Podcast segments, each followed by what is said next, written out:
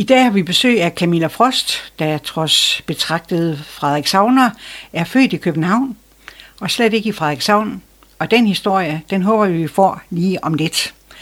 Camillas barndom fandt sted i Bangsbo Strand, og hun sang som barn i Bangsbo Strand kirkekor, og hun var også en af Giggers piger i Giggers Girls, og hun elskede simpelthen at danse. Camilla er nærmest vokset op på Hotel Judandia, hvor hun har hjulpet til siden 6-årsalderen, og i dag er hun direktør på Hotel Judandia og er født på kvindernes internationale kampdag, og så elsker hun sin hjemby Frederikshavn. Velkommen til dig, Camilla. Tak for det. Hvis du selv skulle komme med en karakteristik af dig selv, hvordan skulle den så lyde? Åh, det er et svært spørgsmål. Øhm, jeg er en meget ihærdig og meget glad pige, som øh, er stolt over det ophav, jeg har, og hvor jeg kommer fra. Øhm, og så tror jeg, folk vil se mig som ja, et ærligt og et meget troværdigt menneske. Jeg er hård, men jeg synes, jeg er meget retfærdig. Du kalder dig selv for usnoppet. Kan man godt være det samtidig med, at man har en stilling som direktør på et velkendt hotel som Jutlandia? Altså, jeg håber ikke det at være og arbejde på et hotel øh, gør, at folk tror, man er snobbet. Fordi vi lever jo med mennesker og af mennesker, alle vores søde gæster. Og øh, hvis man var snobbet på øh, i den verden, så havde man jo ingen gæster. Så det kan man meget, meget nemt lære. Jeg vil sige, at det modsatte er faktisk sværere. Camilla, du har sagt, at øh, livet er en fest, og verden skal opleves. Hvad ligger der egentlig bag det slogan? Jamen, øh, det er nok det der, igen, den der positive tilgang, jeg har til livet og til de mennesker, jeg møder på min vej, øh, og alle de her spændende oplevelser, der jo er lige rundt om hjørnet, hvis nu man, øh, man bare åbner døren og går derud. Øh, jeg elsker mennesker. Jeg elsker fest og farver, og øh, alle de oplevelser, det giver mig. Så øh, ja, det er nok det, der ligger i det. Inden vi går i dybden i de relationer, som du har til verden omkring dig, så skal du lige fortælle den historie, som jeg indledte med at sige, at du slet ikke er født i Frederikshavn. Ja, det er rigtigt. Øh, mine forældre boede jo i Frederikshavn, og jeg var sådan lidt svær at få til.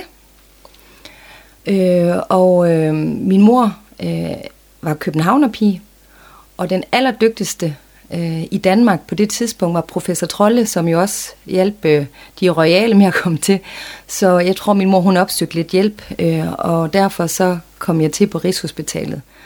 Øh, med mig, der lå hun jo i 4-5 måneder, tror jeg, øh, og ventede på, at jeg kom. Og med min søster endnu længere. Så hun brugte meget lang tid i København for at, at føde sine to små piger. Er din mor fra København? Ja. Og flyttede så senere ja. til Frederikshavn?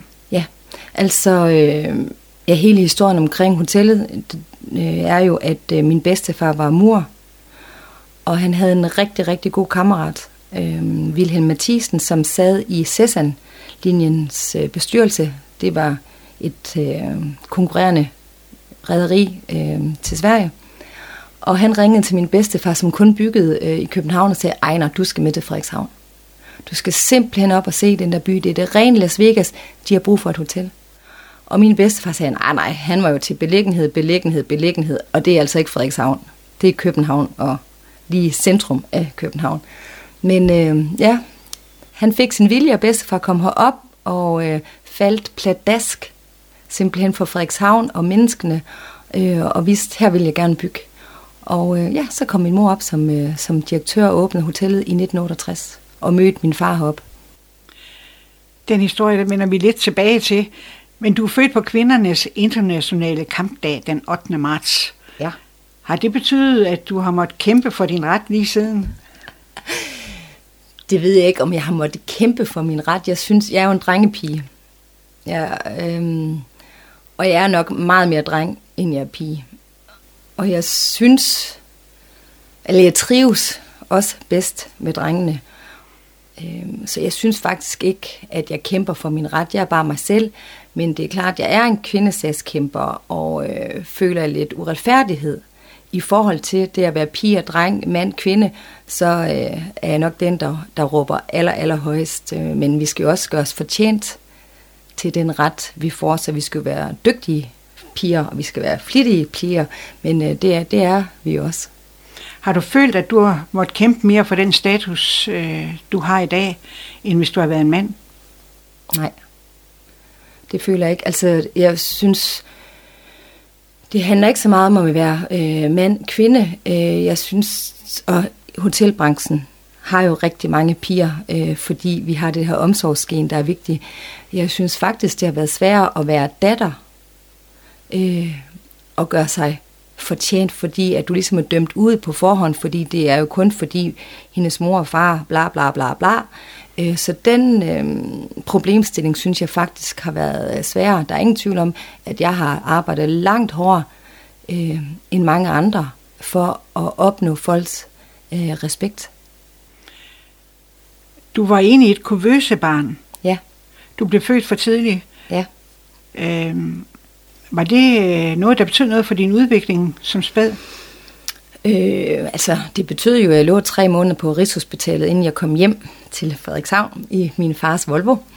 Øh, og derudover så tror jeg ikke, at det har, ja, det har ikke betydet andet end det. Man har guldsot, og man øh, bliver måske passet lidt ekstra på, men øh, nej. Der var en, der syntes, du var det grimmeste barn i verden. Ja. Hvem var det? Det var øh, Jørgen, der havde Yasupan. Øh, han var en rigtig, rigtig kær ven af, af mine forældre, og han var den første gæst, mor hun havde på, øh, på Rigshospitalet. Og jeg var taget med sugekop. Og var selvfølgelig meget, meget lille og havde guldsot. Og øh, som jeg siger, det her, det, også danske børn, altså vi ligner måske lidt mere grise end, øh, ja. øhm, så øh, da han kiggede ned på det her barn, der havde været ventet så utrolig længe, og kiggede ned på mig, så sagde han, åh, oh, baby, det er det grimmeste barn, jeg nogensinde har set. så, og det ja. kunne mor selvfølgelig ikke forstå. Det, øh, min mor, hun, det kunne hun godt forstå. Altså, hun var meget, meget realistisk, og jeg er sikker på, at jeg har på ingen måde at være pæn. det er så ændret sig siden, Camilla. tak. Din tryghedsbase er Skovly. Prøv lige at fortælle om det sted. Hvad ja, har det betydet for dig? Altså, og der, øh, der bliver jeg nødt til at, at, at, lidt korrigere dig, fordi at øh, det var min tryghedsbase. Jeg har solgt Skovly. Øh, men øh, Skovly er mit øh, barndomshjem. Mine forældre købte det i 68, og der er jeg vokset op øh, i det skønneste område af hele Frederikshavn, oppe i skoven, tæt på stranden, og havde alle mine venner omkring mig, og Banks på Strand skole, og, og kirken, og øh, spejder, og øh, ja, jeg gik til optimistsejling, og øh, Slaraffenland. Og da um, Lars og jeg, vi um, ledte efter hus um, i sin tid, der fik vi faktisk mulighed for at købe Skovlø uh, af mine forældre. Så der flyttede vi ind. Uh, og der har jeg boet lige indtil ja, tre måneder siden. Så det er helt nyt. Jamen, hvad er skovly? Skovly, nå undskyld, ja, det er jo, ja, beklager, men det er øh, et dejligt, dejligt hus fra 1923, øh, som ligger ude på Skovlen øh, i, øh, i Banks på Strand. Helt op af, af skoven. Så øh, ja, et fantastisk hjem og en, en skøn, skøn, skøn tid, øh, både ja, som, som barn og mine egne børn er også opvokset der, så øh, et meget specielt sted, som jeg nu har afleveret nøglerne videre til det næste, den næste skønne familie. Hvordan har du det med det? Øh, jeg vil sige, at øh, det har været en mærkelig følelse, men jeg har ønsket det længe. Og da jeg afleverede nøglerne til det her skønne unge par, som jeg kunne mærke bare var flittige og havde masser af mod på, på at gå i gang med skole og gøre det endnu smukkere. Og der, jeg gik ud af døren, jeg var simpelthen så glad. Det er de bedste hænder. Du har talt en del om din mor. Ja. Hvem var dine forældre? Jamen, øh, min mor, hun var Astrid Honoré fra København. Øh, gik på katolsk skole, boet i, i Schweiz og i Frankrig og i England og meget, meget international. Øhm, og hoteluddannet.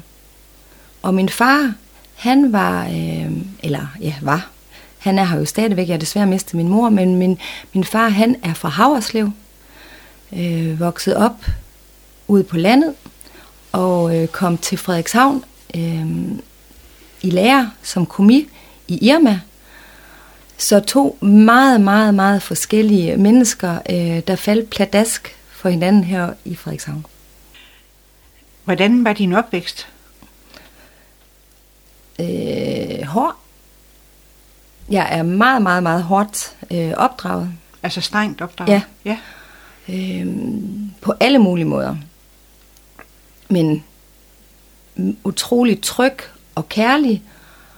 Og så var jeg så utrolig heldig, at øh, ja, jeg tror måske to år inden jeg blev født, der kom der den skønneste kvinde ud i, øh, i Skovly øh, Persen, øh, som var gjort klar til at skulle passe mig, når jeg engang ville melde min ankomst. Og Persen, hun var hos os indtil jeg tror, jeg var 16 år. Så hver dag, når jeg kom hjem fra skole, så var Persen der med kram, makralmad og lektielæsning og masser af tid til øh, at lytte og, og snakke, og er det skønneste, skønneste menneske.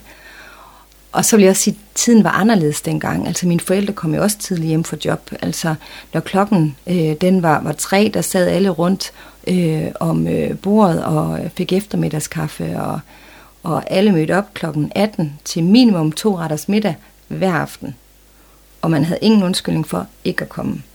Og indtil jeg kom i børnehaveklasse, når klokken den var 18, der var man i bad, og klokken 19, der lå man i sin seng.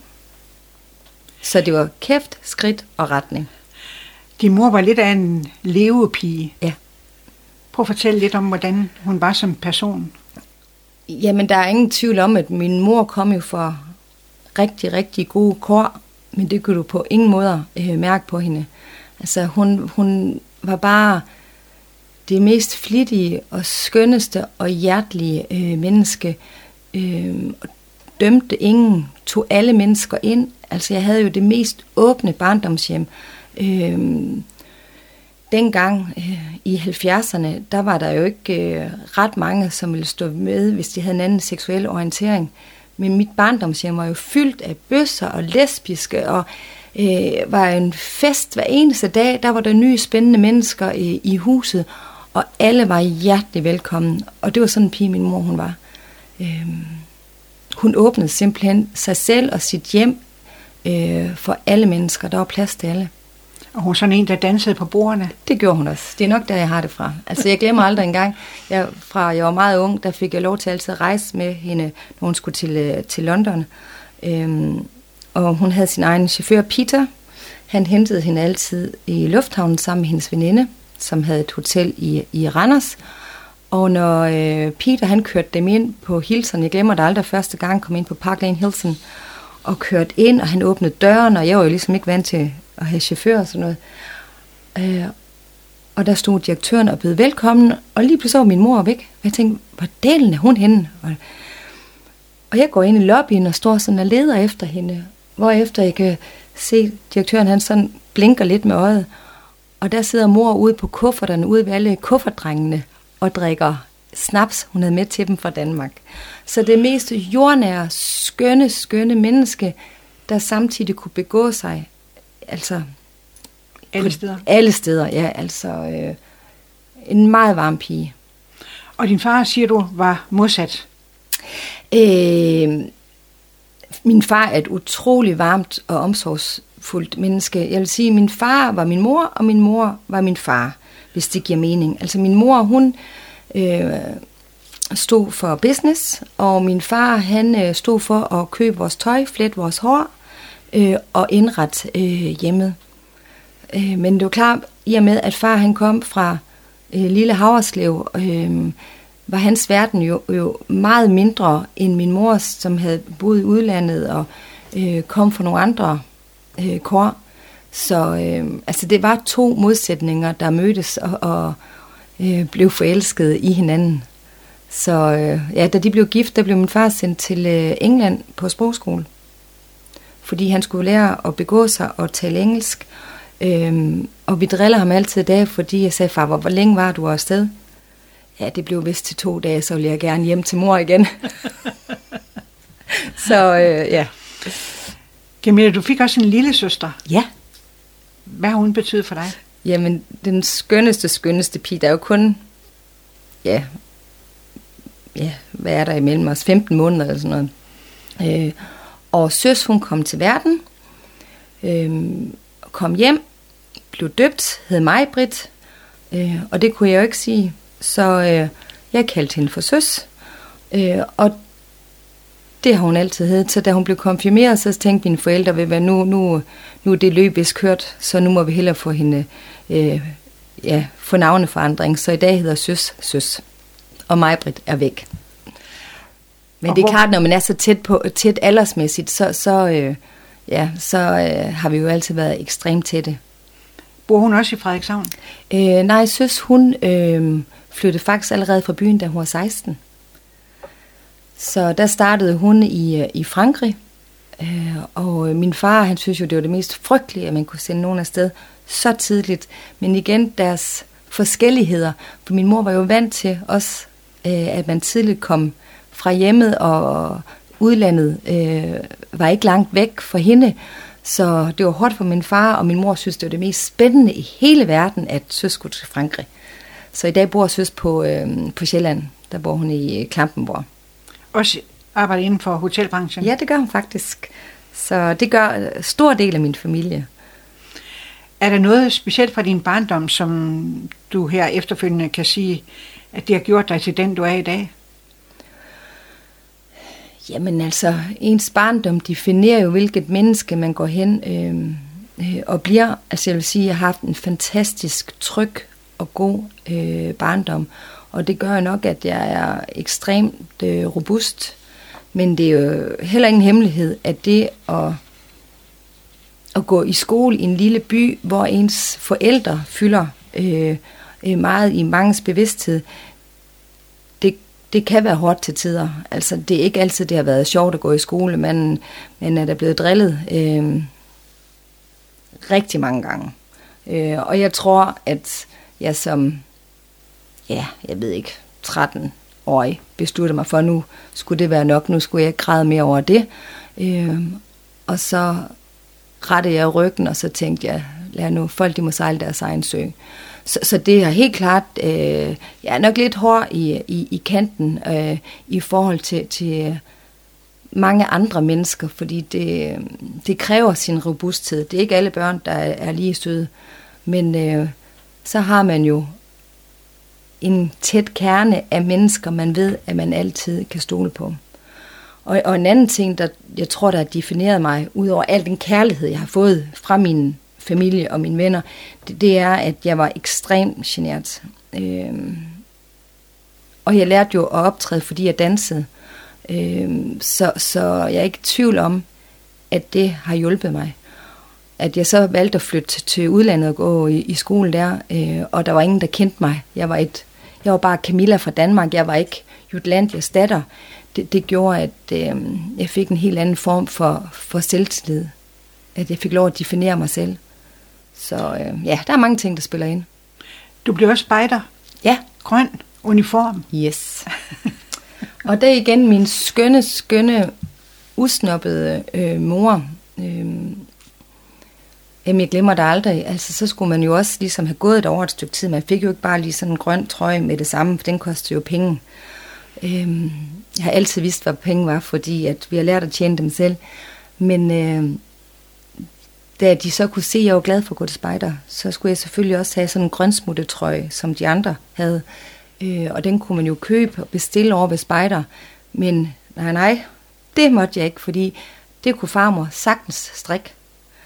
Øh, så jeg, jamen, jeg glemmer dig. Jeg var, jeg var så flov over min maskede, stormaskede trøje i forhold til de andre, der var maskinstrikke. Der var ret stor forskel. Men i dag, knus elsker jeg jo min mor for den respekt, hun viste min farmor ved, at hun fik den opgave, og samtidig med, at hun lærte mig, at man kunne ikke bare få det nye eller det fine. At, øh, ja, hun er et meget, meget, meget fint menneske. Øh, Ligner du din far eller din mor mest? Åh, jeg tror, jeg er sådan en skøn blanding. Øh, ja, altså udseendsmæssigt, der ligner jeg nok min far mest. Øh, men ellers så, så tror jeg faktisk, jeg ligner min mor ret meget. Du var også glad for at synge og ja. kom i Bangsbo Strand Kirkekor. Ja. Hvordan gik det til?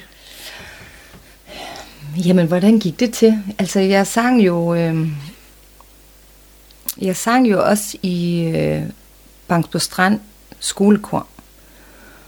Øh, og så tror jeg bare, at øh, Hanne Bosen og, og Elisabeth har, tror jeg hun hed, de kommer og sagde, men du skal synge noget mere, og der er også den her mulighed. Og så kom jeg ned til de skønneste mennesker, Harry og Inga Leversen, øh, som havde koret og gjorde en enorm forskel for de unge mennesker øh, i Banks Strand Kirkekor. Jeg, jeg kom jo fra et, et skønt øh, hjem, men det var ikke alle, der var lige så heldige øh, som mig. Og, og, og de rammer, de skabt øh, for de unge mennesker, var, var, var helt unikke. Så der sang jeg i rigtig mange år, og var meget, meget glad for det. Havde det noget at gøre med din generthed, der gjorde, at, øh, at du havde brug for at udfolde dig på en anden måde? Mm, jeg ved det ikke. Altså, jeg har bare altid været rigtig glad for at synge. Og så synes jeg det der med, at øh, eller når du synger, altså du bliver jo bare, du kan jo ikke være sur. Altså når man står der sammen, så kan du ikke andet end at, end at være glad. Og så det sammenhold, der var der, fordi hvis, selvom jeg var generet, jeg var da den eneste på min alder, der sang i koret i skolen. Det var kun for de små børn. Og så var der mig. Øhm, der havde jeg et eller andet drivkraft ind i mig, der stadigvæk rettede ryggen og sagde, jeg har lyst til at synge, så jeg går til sang, fordi det, det var ikke sådan øh, det hippeste, man kunne gå til. Og det der med, at man også sang over i kirken, altså, hvad, hvad, hvad er nu det for noget? Men jeg har altid været glad for det, og elsker kirken. Øh, elsker rummet, elsker ritualerne, øh, og er jo også opdraget med at blive fader vor øh, hver nat. Øh. Så øh, ja, det har været et frirum for mig, øh, som jeg har sat utrolig stor pris på, og i dag er jeg glad for at have det med i min bagage også. Synger du i dag? Nej, desværre. Når jeg bliver gammel, så skal jeg gå til gospel. Det har jeg lovet mig selv. Hvor kom du i skole? Jamen, øh, jeg kom på Banks på Strandskole. Og øh, gik der til 9. klasse. Vi var to, der gik ud af 9. klasse. Men jeg havde en rigtig god veninde, der skulle på øh, gymnasiet. Så tænkte jeg, der skal jeg også op. Så jeg kom på gymnasiet, øh, matematisk linje. Og jeg er nærmest talblind, altså, men jeg ved slet ikke, hvorfor jeg endte der. Men øh, der, der tror jeg nok, at min mor havde sådan en eller anden idé over for København er, altså hvis man var student, så var man kun rigtig student, hvis du var rød student. Og sådan synes jeg faktisk desværre lidt, det er stadigvæk er i dag på Sjælland. Ikke i Frederikshavn. Mine egne øh, unger er selv øh, blå studenter. Så øh, jeg hudlede mig igennem, var ikke specielt god i skole, men jeg havde en fest, og øh, øh, sørgede for, at alle havde det godt, og alle øh, blev inviteret til festerne, og sørgede for, at der var øl nok til alle, og øh, vi havde øh, mit skønne værelse i kælderen i, i Skovly, hvor alle var velkommen. Så øh, ja, man må jo gøre det, man er god til. Så jeg, jeg, jeg tror mig af det sociale. Du har også svært ved at acceptere uretfærdighed, og ja. jeg ved, at øh, du stod ikke i vejen for at kæmpe med drengene i klassen. Ja, nu, I skolegården. Ja, altså huha, men altså, det, det, øh, nogle gange er jeg jo flov over at tænke over, nogle gange holde det fast. Jeg, jeg kan simpelthen ikke klare uretfærdighed. Øh, og det er også det værste, folk kan gøre ved mig, hvis, man, hvis jeg føler mig uretfærdigt behandlet. Jeg er jo meget temperamentsfuld, så er det nogle følelser, der kan være rigtig svære for mig at, at kontrollere. Men øh, jeg bliver nok nødt til at indrømme, at jeg har nok været involveret i en slåskamp eller en håndfuld i løbet af min øh, ja, tid på Banks på Strand Skole. Og, ja. Du betegner dig selv som ikke specielt klog, men meget flittig. Ja. Det kræver en forklaring. Jamen, jeg er mega flittig. Altså, jeg tror ikke, du finder ret mange øh, piger, der har arbejdet lige så mange timer, øh, som øh, jeg har, samtidig med, at jeg har haft øh, alle mine skønne unger og øh, masser at se til. Så jeg er flittig, og jeg er ikke sådan specielt øh, bolig, og jeg skal bruge rigtig, rigtig mange kræfter på øh, ja, alt, hvad der faktisk skal læses, som man skal koncentrere sig om. Det kan være alt fra kontrakter til brugsanvisninger, til madopskrifter, øh, regnskaber, altså de der ting, som er utrolig vigtige øh, i forhold til at drive øh, en relativ øh, stor virksomhed. Så øh, jeg skal bruge ekstra meget flid, når jeg går i gang med sådan nogle opgaver, fordi det ikke ligger naturligt øh, for mig. Men sådan det. Det er bare at klø på. Op igennem din barndom og ungdom, der dansede du en del. Ja. Du dansede på Gikkers danseskolen. Ja, blandt andet. Blandt ja. andet. Ja. Det må du øh, fortælle lidt om. Jamen, øh, ligesom at synge, så elskede jeg jo dans, og dansede hos Anne Giger, og dansede hos Kai Hansen samtidig. Så jeg brugte mange ugens dage, øh, og alt, hvad Anne Giger, hun lagde op, det meldte jeg mig på, om det var ballet, eller jazzballet, eller stepdans, eller jeg skulle bare være med. Øhm, og øh, dengang var Anne Giger jo, ja, hun er jo en fantastisk pige, øh, og øh, hun arrangerede jo rigtig mange modeshows og ja, danseoptrædener og øh, ja, så hun havde sådan en flok øh, piger, som hun øh, kaldte øh, Giga Girls, og jeg var ikke ret gammel. Der øh, kom øh, Anne og så prikkede mig på skulderen øh, og spurgte øh, Camilla, du skal være en del af Giga Girls, og jeg var jo så stolt øh, over at være en del af den her fine, fine øh, forsamling af skønne piger, som mange af dem var en del ældre end mig. Så der fik vi også et helt fantastisk øh, sammenhold, og gud, hvor har vi haft det sjovt. Anne Giger har faktisk også været på besøg her i, i studiet, og man kan finde ind på vores hjemmeside. Ja. Som du sagde i indledningen, som jeg sagde i indledningen, så øh, har du aldrig været bleg for at tage fat, og du har faktisk haft arbejde siden du var 6 år. Ja.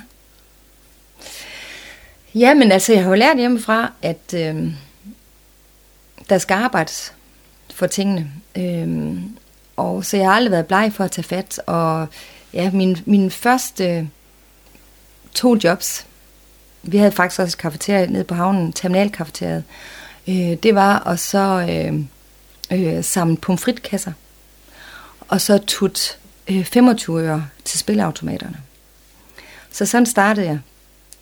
Og øh, derefter så var mit øh, næste job øh, hos en helt forrygende, fantastisk øh, personlighed, fru Meta Lund, fru fra Randers, som øh, kørte land og rige rundt og solgte sæbe til hotelbranchen.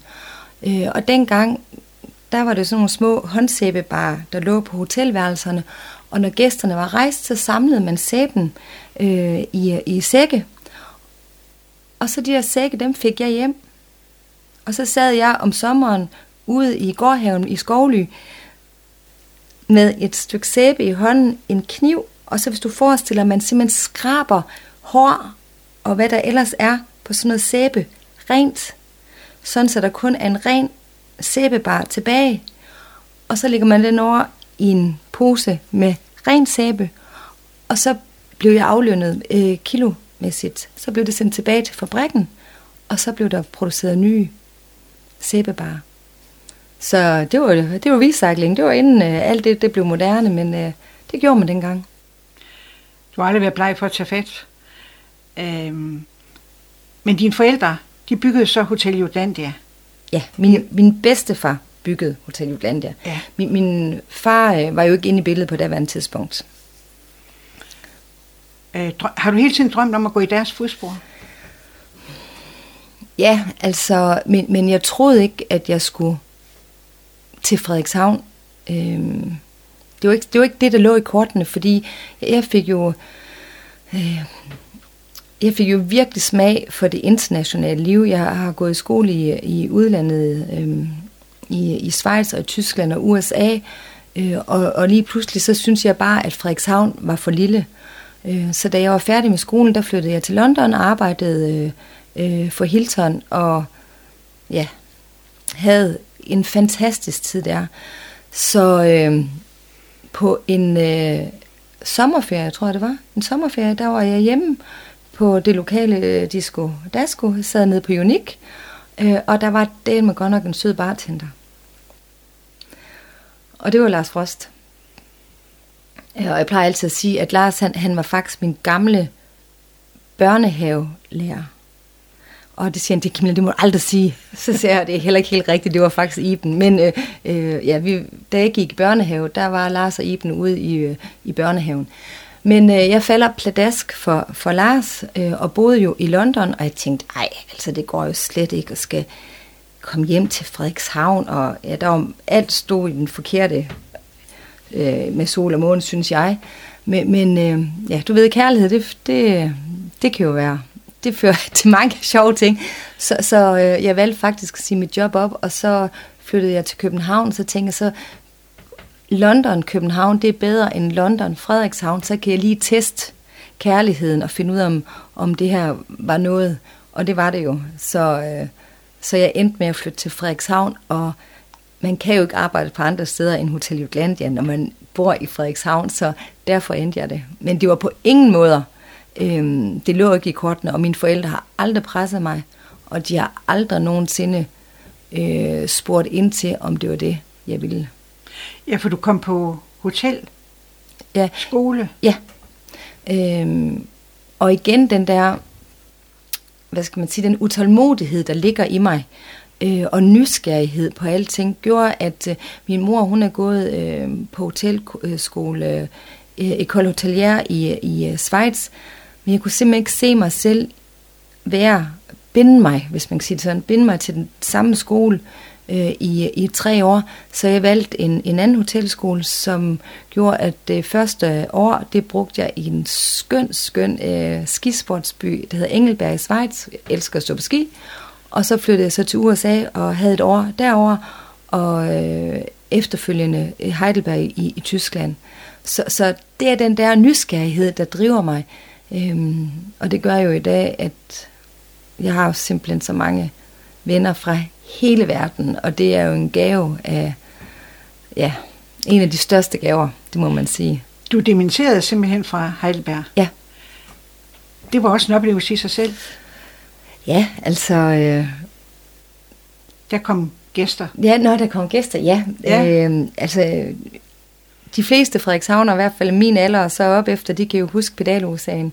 Øh, da den blev øh, optaget, der boede Danmarks Radio, som er jo nogle øh, rigtig gode kunder på hotellet. Øh, der boede de på Jutlandia i lange, lange perioder.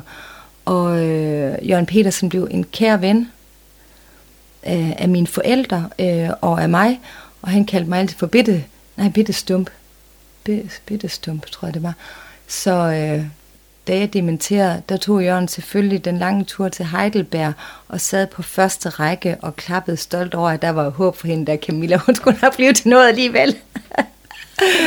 så øh, ja, og derudover en af mine gigagirls, Jane, øh, og hendes mand, og så selvfølgelig mine forældre. Så øh, ja. John Bull, det er ja. også en del af Jutlandia. Ja. Hvad er det? Jamen, lidt om, hvad jamen altså, er. det er jo byens mødested. Jeg tror, i, øh, da vi åbnede i, i 79, øh, der var sloganen byens mødested, øh, og, og det er det jo heldigvis stadigvæk. Det er jo et samlingspunkt for, for mennesker, som har lyst til at mødes og i ro og mag uden for meget larm, øh, kan, kan, kan hygge og få snakket. Øh, og historien med Bull, eller John Bull er, at... Øh, at øh, mine forældre, øh, de øh, udskrev en konkurrence i Frederikshavns Avis. Vores kære, kære ven Bent Eilertsen, han lavede en skøn artikel, og der blev udskrevet en konkurrence, hvor at man skulle finde ud af, hvad skulle barnet hedde. Øhm, og øhm, der øh, var nok den tids største eventmager, øh, Christian Smed, som jo havde en kæmpe berøringsflade. Øh, han kom på navnet John Bull, fordi han var vant til at komme i Portugal på en restaurant dernede, der hed John Bull, han var rigtig glad for. Øh, og det var hans forslag. Jeg ved, der kom hundredvis af forslag ind, men øh, Christian Smed, han vandt, og barnet kom til at hedde John Bull. Det hedder det ikke i dag, vel? Øh, nej, vi, altså jo, altså det er jo et svært, øh, det er jo altid svært at ændre navn, men på et tidspunkt, der, der, der, der havde vi brug for sådan ligesom at redefinere lidt, og, øh, og så besluttede vi os for, nu skulle det hedde Bull. Selvom Lars han siger altid til mig, det er kun fordi, der er nogen, der skulle tjene penge. Så skulle der laves nyt slogan og et øh, nyt logo, og så lavede I det om. Men øh, ja, så i folkemunden er der rigtig mange, der stadigvæk kalder det for John Bull. Arbejder du også på, på Bull? Altså, nej, det, det, det gør jeg ikke. Det kommer an på, hvilken form for arbejde du tænker på, for der skal jo altid både øh, støvsus og lave regnskab og øh, ja, fyldes op og sådan nogle ting. Det, det hjælper jeg selvfølgelig med. Men det er meget sjældent, at man ser mig bag barn. Det har jeg nogle kollegaer, der er meget bedre til end mig. Din eksmand, Ja. han arbejder der. Ja, altså øh, i hvert fald om fredagen. I kan næsten altid møde Lars dernede om fredagen. Men, men øh, ellers så, så er det ikke så tit, vi ser ham bag barn mere. Det er mere på den modsatte side af barn. Men øh, ja, Lars han kommer der stadigvæk. Heldigvis for det. Mogens Pølsemand. Ja. Han kommer også til at betyde noget. Ja, jamen Mogens Pølsevand, han, øh, han eksisterer jo i bedste velgående stadigvæk. Øhm, ja, samtidig med, at jeg arbejdede på øh, hotellet, så øh, kom Mogens og sagde, Camilla, kunne du ikke også tænke dig at arbejde over mig? Og det, det kunne jeg da godt. Jeg havde jo 16 timer i løbet af en døgn, så jeg kunne sagtens nå at være begge, tid. så længe vi kunne koordinere vagtplanen, så var jeg frisk på det. Så jeg havde en utrolig god tid i Tordenskjoldsgade i Mogens øh, pølsevogn. Øhm, og dengang var der jo ikke så mange, der kendte mig. Øh, og det, der var sjovt for mig, det var, at jeg øh, øh, stod der bag disken. Og det, der er fantastisk ved en pølsevogn, det er, at der kommer alle typer mennesker. Øh, men det, der var rigtig sjovt, det var, at øh, Mogens pølsevogn blev også kaldt det hvide pakhus. Og det gjorde jo, at når vores øh, kon- kollegaer over fra øh, Scandic, de fik dårligt p-mad, øh, det står for personalemad, hvilket personalet ofte synes, de gjorde, så kom de jo over til det hvide pakhus, og det var jo over ved mig. Og så stod de jo fortalt om det her mad, de fik over på deres arbejdsplads, og de anede ikke, hvem jeg var. Jeg synes, det var så morsomt. Øh, men der er ingen tvivl om, at øh, ligesom jeg siger, at når jeg bliver gammel, at jeg gerne øh, vil synge i et gospelkor, så øh, kunne jeg rigtig godt tænke mig at komme til at arbejde i en pølsevogn igen, for det er et af de bedste jobs, jeg nogensinde har haft. Og, øh, og ja, jeg endte faktisk med at så øh, købe en alliancering, øh, fordi jeg har jo altid lært, altså man skal jo spare, så tænker jeg, hvis nu jeg køber en ring, og så putter en sten i for hver måned, jeg arbejder øh, for Mogens, så jeg har et rigtig godt minde. På et tidspunkt så kom Stena Hotel Frederikshavn. Ja. Hvad kom det til at betyde for Hotel Jordandia? Ja, man skal jo aldrig lægge alle sine æg i en kurv. Øhm, og der er ingen tvivl om, at Stenelejen dengang fyldte jo rigtig meget hos os. Vi havde utrolig mange gæster fra, øh, fra Stenelejen. Så da man besluttede at bygge selv øhm, og åbne med så mange hotelværelser, der gjorde det jo rigtig, rigtig ondt over ved os. Øh, og det er også derfor, altså jeg har været igennem alle de der perioder, hvor man, man sidder rundt om spisebordet derhjemme og hører øh, om de økonomiske udfordringer, der er, når man får så stor en konkurrent, og har utrolig meget respekt for det. Øh, men det gjorde, at vi havde mange, mange øh, hårde øh, over. Men du mistede ikke modet. Nej, der skal mere til. Men du har også tid til at være familiemenneske. Ja. Du boede i Skovly, Ja. og du har fået tre døtre. Øh, vi har, øh, da jeg lærer Lars at kende, der øh, bringer han Frederik øh, ind i vores øh, lille familie, og Frederik er to år dengang, så vi har øh, Frederik, øh, og så fik vi sammen øh, tre, øh, tre piger. Og jeg har altid sat en ære i også at være en flittig mor, Øh, og jeg synes ikke, at børnene øh, tager skade af at se, at der skal arbejdes. Så, så det har de været vant til. Men samtidig med, så øh, har vi siddet om morgenen i spisestuen, spise morgenmad sammen, alle sammen, og så, ikke er jo lige så hårdt som mine egne forældre, men vi har siddet også rundt spisebordet hver aften, og det er blevet prioriteret. At så jeg ikke kunne lave mad, det var så, hvad det var, men det havde jeg jo så heldigvis øh, øh, Lars til. Øh, men øh, ej, det, det, øh, jeg er gået meget op i min rolle som mor, og jeg vil sige, at det er det, nu er de jo store, øh, og, og, og det er det, jeg er allermest stolt af. Øh, det er den måde, jeg har fået, eller vi har fået dem opdraget på, og de skønne mennesker, der er kommet ud af dem alle fire. Ja, du har faktisk udtalt, at det, du var aller, aller bedst til, det var at opdrage børn. Ja, det er jeg super god til. Hvor er Hvis jeg må, det må jeg vel godt sige. Det, det synes jeg, jeg er. Hvor er dine børn i dag? Jamen, øh, Frederik, han, øh, han bor i, i øh, Nørresundby sammen med sin skønne kæreste øh, og arbejder i, i Frederikshavn som ejendomsmaler, eller i lærer. Øh, og øh, lige nu, der er øh, Victoria, øh, den ældste datter, øh, på vej hjem fra Madison i USA, øh, og skal bo i København igen. Og Rebecca, hun er i San Diego, og skal også hjem og bo i København igen. Og den yngste bukkebruse, som jeg plejer at kalde hende, Filippa, hun bor øh, også i København og har et fjummer og skal i gang med at, at læse her til sommer. Hvordan så Hotel Jutlandia ud, da du kom hjem fra uddannet i 96? Jamen, der kom jeg tilbage til en forretning, som havde det rigtig, rigtig hårdt. Øh, og der havde ikke været økonomi øh, til at lave ret mange forbedringer og renoveringer. Øh, og det havde været en hård tid for, for hele byen.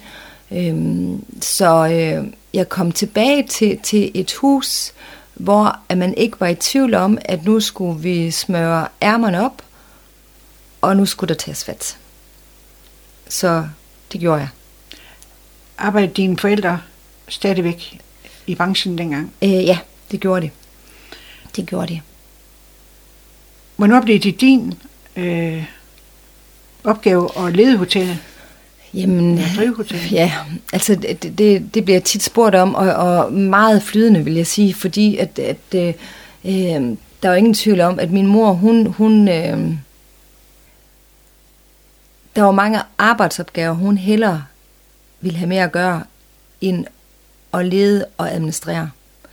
Så, så meget hurtigt, så endte de her opgaver inde ved mig, og tit så var det sådan med lidt for kort varsel, lige inden en eller anden deadline. Så øh, til sidst sagde mor, det her, det går jo simpelthen ikke. Altså, øh, så, så jeg var ikke ret gammel. Altså, jeg vil sige, jeg var måske 26. Øh, og så hyggede min mor sig øh, med andre ting på hotellet og sørgede for, at vi gjorde ordentligt rent, øh, og at minibarne blev tjekket og øh, forfaldende arbejde. Øh, ja, det, det trives hun rigtig meget med der til sidst. Så du har allerede haft øh, direktørtitlen på dit øh, visitkort fra du er 26? Altså nu, igen, for at hoppe tilbage til det der med at være snobbet, øh, øh, i titler og alt det. Jeg går simpelthen så lidt op i det. Og, og det er meget sjældent, at jeg fortæller, at jeg er direktør. Øh, jeg har jo mange vagter, også i receptionen. Øh, og jeg siger aldrig, øh, hvem jeg er, før folk de spørger. Øh, det, det har jeg ikke øh, brug for. Så en flydende overgang, og, og min officielle titel, hvis man skal sige det sådan, den var jo til at starte med øh, receptionschef. Du indførte en lidt upopulær øh, betaling for parkering. Åh oh, ja. Ja, det gjorde jeg. Altså, øhm, jeg sad jo i Handelsstandsforeningens bestyrelse i mange, mange, mange år. Og det er jo ikke nogen hemmelighed, det er jo ikke Frederikshavn, det er jo Handelsstandsforeninger generelt, så, som øhm, det, det er svært at finde økonomi til alle de tiltag, man utrolig gerne vil gøre. Og så kommer jeg jo så med den her idé, at øh, jeg synes, at man øh, i Frederik skulle lave et parkeringsselskab, som var ejet af Frederik, øh, sådan så at vi på den måde kunne tjene nogle penge, og at overskuddet skulle gå til at skabe aktiviteter og forbedre øh, vores bymitte øh, og skabe en masse gode arrangementer øh, til øh, glæde og gavn for vores øh, borgere og vores butikker. Øh, og der fik jeg jo sådan meget klart og tydeligt, synes jeg selv, øh, besked på, at jeg var yderst kontroversiel, at det kunne man da ikke begynde at, at tage penge for. Men som jeg sagde dengang, jamen altså, så er det jo nogle andre, der gør det. Øhm, og ganske rigtigt, så øh, fik vi det indført på hotellet, øh, og måtte jo se til København og vælge et københavnerfirma, øh, der blev øh, øh, ja, parkeringsfirma øh, hos os. Øh, og jeg så det ene firma efter det andet blev gazellevirksomheder, de skovler jo penge ind. Og i dag, hvor er jeg ærgerlig over, at man ikke var modig og, og ikke tur på, på den der, fordi det har haft så stor betydning for vores detailhandel og for vores midtby, og jamen, jeg tør slet ikke tænke på alt, hvad vi kunne have skabt. Men sådan er det jo nogle gange, når man får tidligt ude med nogle idéer, og at verden omkring sig ikke er moden til øh, at hoppe på vognen. Men, Hvad sagde øh, dine forældre til den beslutning? Øj, min far var tosset. Øj, altså, han, ja. Vi, vi havde altid den øh, tradition, at hver onsdag så hentede de ungerne, og så spiste vi øh, sammen hjemme med mor og far. Øh, og bølgerne, de kunne jo gå højt med de her beslutninger, jeg træffede. Men som jeg sagde, vi, vi havde en udfordring. Øh, det er dyrt at have parkeringspladser, skal jeg hilse at sige. Der, der er øh, mange udgifter, man ikke lige sådan tænker over i forhold til at, at vedligeholde sådan nogle områder. Øh, og så øh, var der noget renoveringsarbejde rundt omkring hotellet, og det gjorde jo, at folk, der ikke havde tilknytning til hotellet eller var gæster, begyndte at parkere hos os. Så vi havde ikke plads til vores egne gæster. Så, så vi var også nødsaget til at skulle gøre noget. Så, så øhm, som jeg sagde, far, det dur jo ikke. Altså, vores hotelgæster skal jo kunne, øh, kunne parkere der, og når, når hele Frederikshavn lige pludselig holder på de pladser, så får vi utilfredse gæster. Så sådan blev det, og øh, det er vi jo meget, meget glade for i dag. Ja, for det er også sådan i dag. Yes, det er det. Hvis man så er gæst på Hotel Jordandia, ja skal man så ned og betale for at parkere, eller får man en fribillet? Man betaler. Ja, man betaler. Øh, og når det er sagt, det er jo sådan noget der, hvor igen, altså fordi man ikke, når, når jeg forklarer folk, hvor sådan noget omkring parkering, det hænger sammen, øh, så forstår man det også. Øh, men nogle mennesker, de lever af at så klip. Andre mennesker, de lever af at sælge blomster. Øh, Øh, jeg lever af at sælge parkering og eksempelvis kaffe.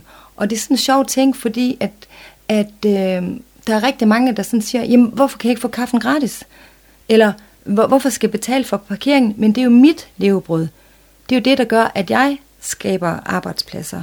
Og den respekt, synes jeg nogle gange, øh, øh, jeg mangler, og jeg mangler forståelsen for det. Øh, men når det er sagt, så er vi jo utrolig søde nede ved os, synes jeg selv. Så kommer man og skal ind og hygge sig på bull, eller kommer man og skal op og spise en middag øh, på stedet, så hjælper vi med en gratis parkering. Men ønsker man, at bilen skal holde over natten, så tager vi betaling for det. Hvem har du øh, til at, at inddrive parkering i dag?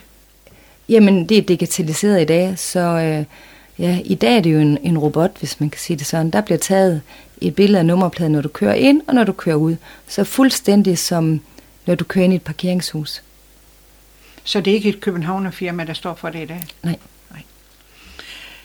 Har du et godt personale? Jeg har et fantastisk personale. Jeg er verdens mest heldige chef, tror jeg. Jeg har de mest fantastiske kollegaer.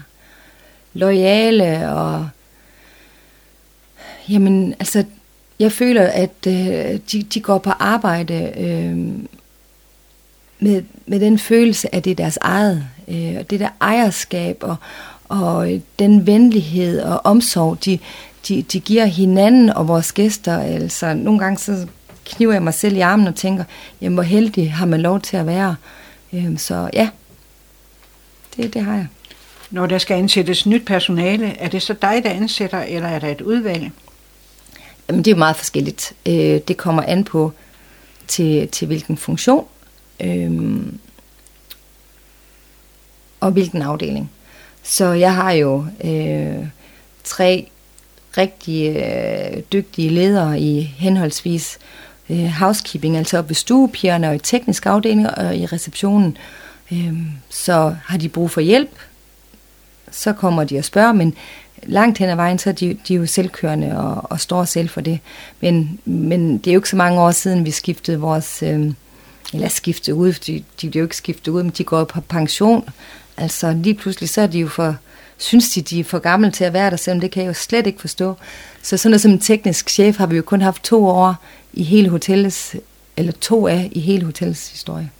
Så da vi skulle have den tredje, der spurgte jeg om, om hjælp udefra. Så øh, øh, Elsbeth øh, Ørskov, som øh, har sådan coaching og rekruttering, hun kommer og hjælper mig, og det er jeg lykkelig for, for vi fandt den bedste tekniske chef ud af, jeg nu kan ikke engang huske det, jeg tror det var 177 ansøgere.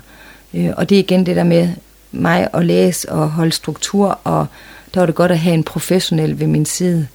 Så øh, ja, så til nogle opgaver får vi hjælp. Hvor mange ansatte har Hotel Jodandia i dag? Jamen, øh, vi er jo lidt en sæsonvirksomhed. Så lige nu, der er vi jo vores stille periode, og, og restauranten, øh, sted 1, er jo bortforpagtet, så, så det er jo ikke mine kollegaer. Øh, men jeg tror i december måned, tror jeg, vi kørte 24 lønsedler ud. Så det, det kører alt fra 24 til, til en 50 stykker. Du har altid truffet dine beslutninger med maven, og ikke med hovedet, siger du. Ja. Har det givet dig nogle problemer hen ad vejen? Aldrig. Altså, øh, og jeg har sådan tænkt over det for eksempel her i corona, hvor at der virkelig skulle træffes så mange beslutninger på så tyndt et grundlag, fordi man jo ingen erfaring havde og ikke kunne spørge nogen til råds. Og der har jeg nogle gange tænkt, hvorfor er det gået så godt, som det er? Og det er nok, fordi jeg ikke er sådan specielt klog, og ikke kommer op i den øverste etage, men simpelthen har, har tur og, og, og følge mine mavefornemmelser. Øhm, øh, fordi det har altid været en rigtig, rigtig god øh, guideline for mig. Så, så den, jeg må sige, at øh, jeg, jeg har stor tillid til min mave.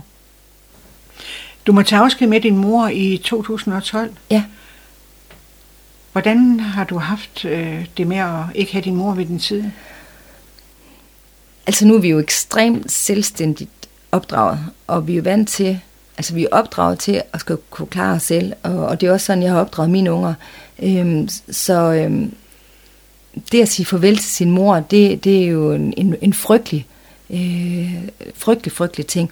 Også fordi, at hun var så skønt øh, et menneske, og når jeg har møder nye mennesker, siger ej, I skulle have mødt min mor. Øhm, så øh, det var da hårdt, og et hårdt forløb. Hun døde af, af kræft og døde derhjemme, og jeg synes, det var meget, meget hårdt. Øh, men altså, op på hesten, videre, øh, og det vil mor jo også have sagt, det kan ikke nytte noget, Camilla, er afsted med dig. Så, øh, men jeg ville godt nok, altså det, det er jo tit, når man oplever nogle gode ting, eller øh, ja, så, så, så savner man hende, ikke også? Øh, hver dag, vil sige, der tænker jeg stadigvæk på hende. Så øh, ja, sådan er det. Hun har sat et godt fodaftryk. Altså, det, det må man sige. Altså, hun altså, ja, nu gentager jeg mig selv. En skøn, skøn, skøn øh, pige. Hvad med din far? Min far, han lever i, i bedste velgående. Øh, vi spiser stadigvæk sammen. Nu er det blevet hver torsdag. Øh, og klarer sig så fint. Altså, som jeg sagde, min far var min mor og omvendt. Så man kommer ind i det smukkeste hjem og, øh, og tænker, her kan umuligt bo en enkemand helt alene, og det ser så pænt ud. Øh, blomster de rigtige steder, og øh, står og laver øh, mad, og ja, altså, jeg har en meget, meget omsorgsfuld far, der i dag betyder utrolig meget for hans voksne øh, børnebørn. Øh, altså, pigerne, de ringer jo til ham, ikke dagligt, men næsten, øh, og skal lige høre, hvordan det går med bedstefar. Så øh, ja. Beslutningen i sin tid om at bygge Hotel Jodandia, har det været en god familieinvestering?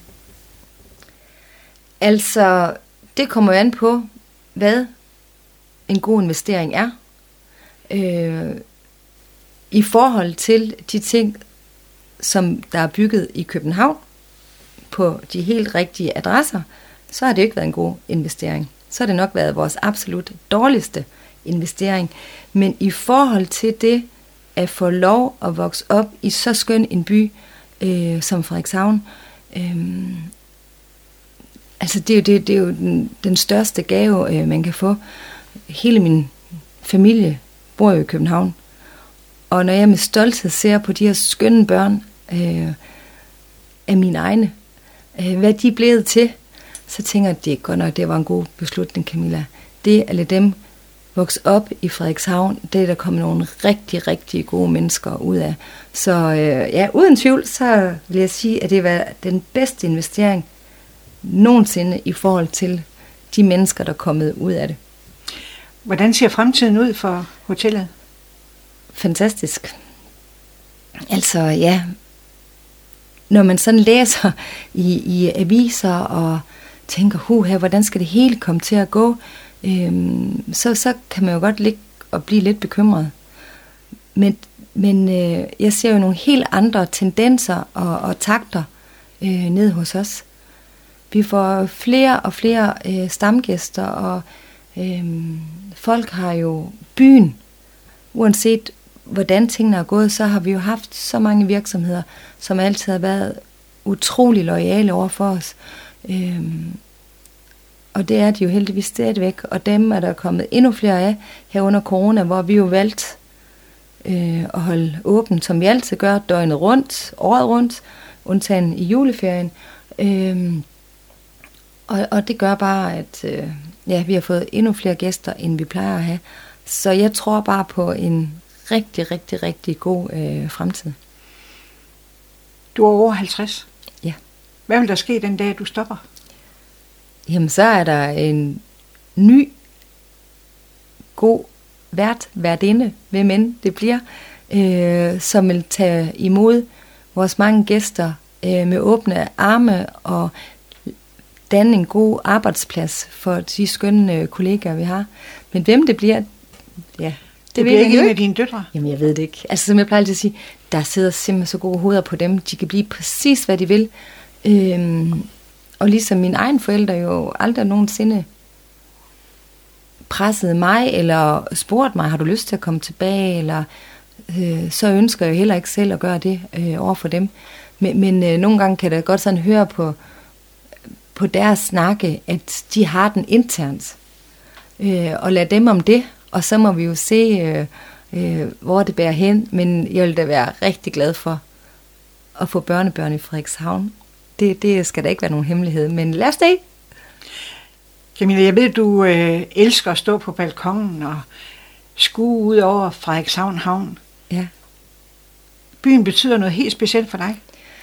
Jamen, jeg er simpelthen så stolt over at være Frederikshavner, og jeg er simpelthen så stolt over, øh, når jeg kigger ud på den her havn, og det der rå øh, maritime, og øh, altså jeg synes, vi, vi, vi, vi er sådan nogle mennesker, der gør, at uanset hvor meget vi bliver dunket oven i hovedet, så, så formår vi øh, at klø på og komme op igen, øh, og vi piver ikke, og øh, jeg, jeg, jeg synes simpelthen, vi har alt her. Øh, og jeg rejser jo rigtig meget, og, og, øh, og hver gang så tænker jeg bare, jamen hvad, der findes ikke noget skønnere sted end Frederikshavn. Øh, den her øh, by kan simpelthen så meget, og det er nogle helt særlige mennesker, der er her. Og derfor så synes jeg jo, at den der kloge murmester fra København, der endelig kom herop og faldt pladask for Frederikshavn og menneskene, øh, han havde jo næs for det. Det så han jo allerede dengang. Øh, så jeg er bare stolt over min by. Har du aldrig fortrudt, at at din karriere ikke blev i udlandet? Øh, nej, det har jeg ikke, men jeg har fortrudt rigtig, rigtig mange gange, at den stoppede så tidligt, for det er ikke nogen hemmelighed, at, at øhm, på et tidspunkt, øhm, der havde jeg boet i lejede lejligheder, lejede møbler, lejede kopper. Jeg, jeg, jeg følte, nu havde jeg brug for ligesom sådan falde lidt til ro og, og, og skabe mig et hjem. Øh, og Hilton havde hele tiden sagt til mig, at Camilla, uanset hvad, bare du bliver hos os, du kan, komme, du kan få en transfer, hvorhen du vil. Og øh, der først i, eller ja, midt i 90'erne, der var rigtig mange af mine venner øh, faktisk taget til Emiraterne øh, for at arbejde. Og der, det var ikke sådan normalt dengang. Øh, så øh, jeg, jeg går til, øh, øh, til HR og siger, jeg vil gerne videre, øh, og jeg vil gerne til Dubai. Og de kigger på mig med kæmpe store øjne. Dubai? Øh, ja. Ej, nej, det kan du ikke. Okay, og hvorfor kan jeg så ikke det? Ej, og i dag var de jo klogere end mig. Jeg forstår godt, at sådan en temperamentsfuld, lyshåret pige, der synes, at mænd og kvinder skal være lige, havde det her på ingen måde været et godt match. Øh, men jamen, så stopper jeg. Og så siger de, giv os lige tre dage, øh, du hører fra os. Og jeg kommer ned i HR tre dage efter, og jeg kan se, at de sidder, de kan slet ikke vente med at fortælle mig, hvad det er, jeg skal, eller hvilket tilbud de har til mig. Øhm, og, og så siger jeg, ja, hvad, hvad, hvilke, spændende, hvilke spændende forslag har I til mig? Og så siger de, vi har et job, du skal til Watford. Så Watford? Men der er der ikke noget hotel. Nej, det er head office. Du skal på head office. Og jeg kigger jo simpelthen på dem fuldstændig skrækslagen. Så siger jeg, jamen der er jo ingen gæster. Og det er det, det handler om for mig. Det er mennesker. Jeg skulle ikke ind og sidde og kigge i en eller anden computer og flytte på papir. Jeg elsker mennesker, og jeg skal være der, hvor jeg kan skabe øh, en forskel for mine kollegaer og mine gæster. Så, så derfor, så, og så mødte jeg jo Lars, så valgte jeg at tage hjem. Og jeg skulle nok have taget den der et, to år på head office, fordi jeg ville jo komme hjem og have lært så mange ting. Øhm, men igen, ja, det gik lidt for stærkt for fru Frost der, eller frøken Søndergaard hed jeg jo dengang. I dag bor du sammen med Jørgen. Ja. Hvem er han? Jørgen? Øh, jamen, øh, Jørgen han er fra Sæbø.